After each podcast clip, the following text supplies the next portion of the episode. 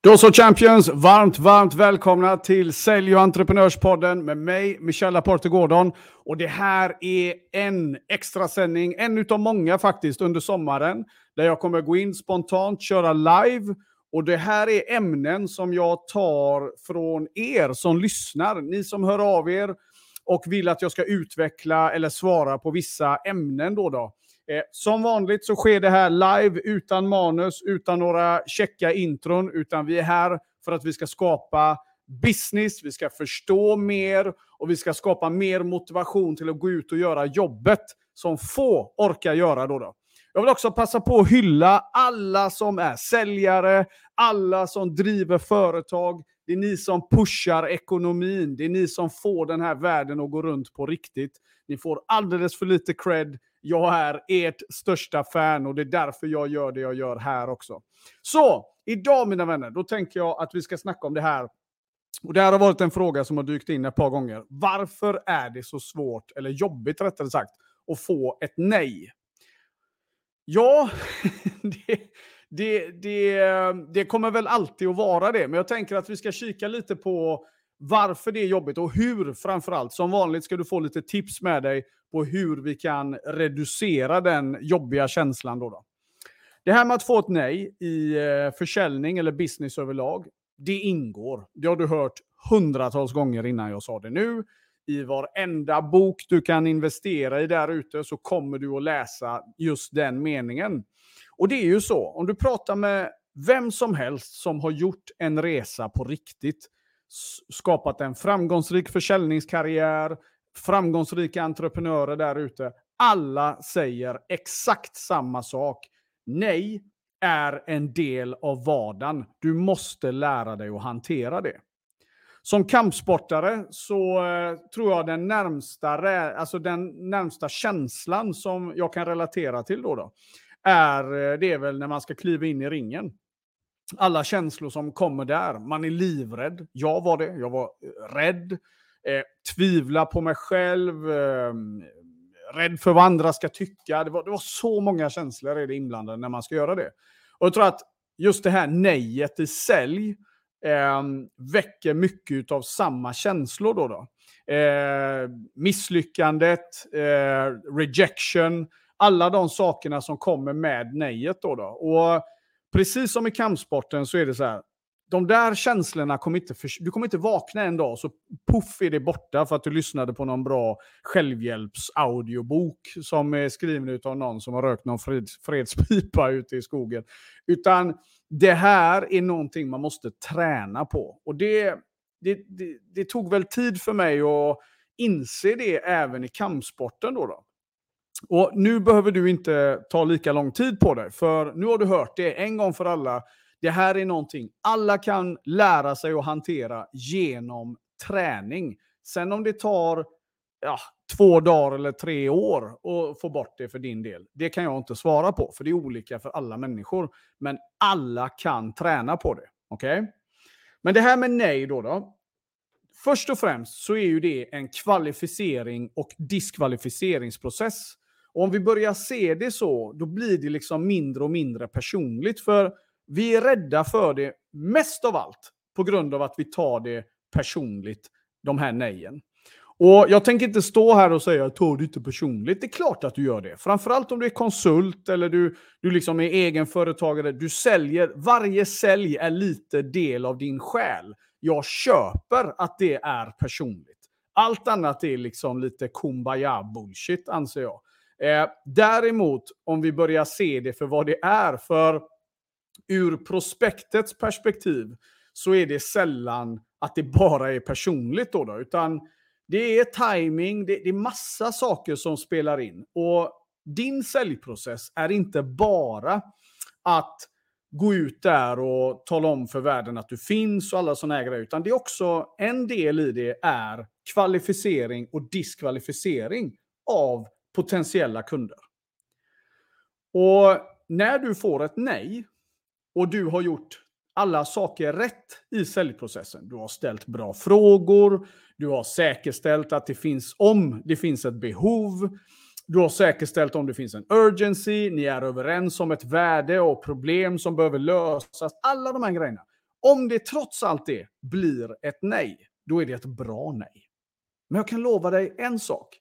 Det där nejet blev inte nej, vi hörs aldrig mer. Utan det där var nej, inte just för min del, men jag skulle gladligen rekommendera dig till mitt nätverk.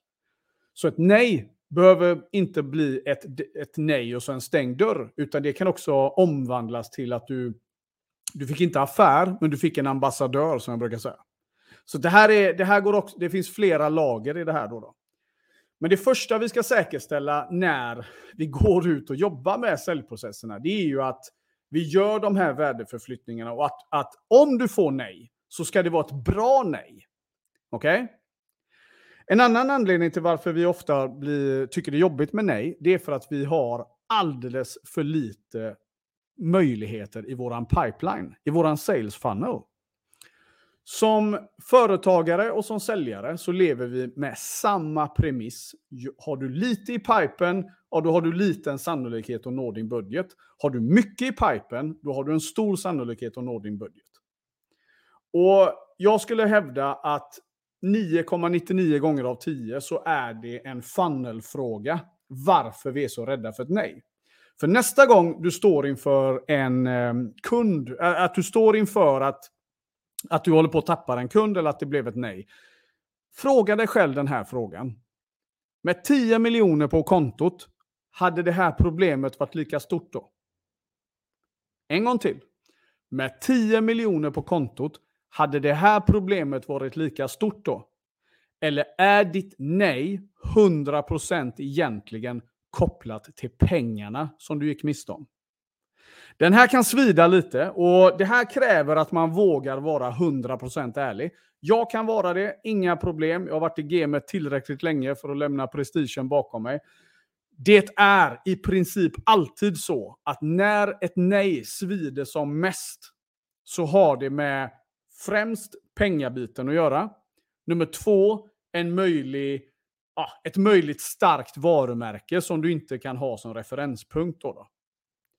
Och eh, den sistnämnda, ja, den, den svider och det, då får man ju egentligen bara titta på kanske allt förarbete och vad hände och varför valde de en annan. Och det tycker jag man ska ställa frågan också. Varför valde ni en annan leverantör i det läget? Våga göra det och våga ta det som kommer, för det kan vara jobbigt. Men framförallt så bygger det på att vi har för lite helt enkelt i pipen. Så ska du liksom börja tackla den här känslan en gång för alla, så måste vi börja fylla på mycket, mycket mer. Om du tappar en så ska du ha tio potentiella ja kvar. Där vill du stå och då lovar jag dig att du kommer absolut inte att känna att nejet var lika farligt då. då. Och det här har ingen betydelse om vi jobbar med industriförsäljning, B2B, ja, priser mellan 20 och 250 000. Eller faktiskt om du jobbar som säljare och du till och med jobbar med telefonen som verktyg. Det är alltid en fråga om antal möjliga prospekt i pipen som eh, avgör egentligen vårt mentala tillstånd. Då, då. Så att se över den och våga göra det. Och är det så att du, eh, du känner att du liksom fastnar i de här processerna så finns det massor av hjälp där ute. Eh, och ja, Ni kan höra av er till mig så kommer jag tipsa er längs vägen också. Men nu ska du få med dig ett par stycken eh, punkter som du kan jobba med för att reducera känslan kring nejet. Så jag hoppas du har någonting att skriva på så kör vi nu med en gång. Nummer ett Ja, men inventera din pipeline. Skriv det som en rubrik. Inventera din pipeline. Och vad menar jag med det? Jo, den här får ta lite tid. För det här kan vara att du får mycket nej kan bero på många saker. Det kan bero på att ditt värdeerbjudande inte längre är särskilt attraktivt. Du kanske jobbar mot fel prospekt, menar jag. Eh, vad har du för prospekt i pipen? Har de varit där länge? Det här är en sån här klassiker man kan se hos säljare som eh, kanske inte har den här farten de behöver, eller framförallt då egenföretag. Det är att vi, håller, vi har samma prospekt i pipen månad ut och månad in.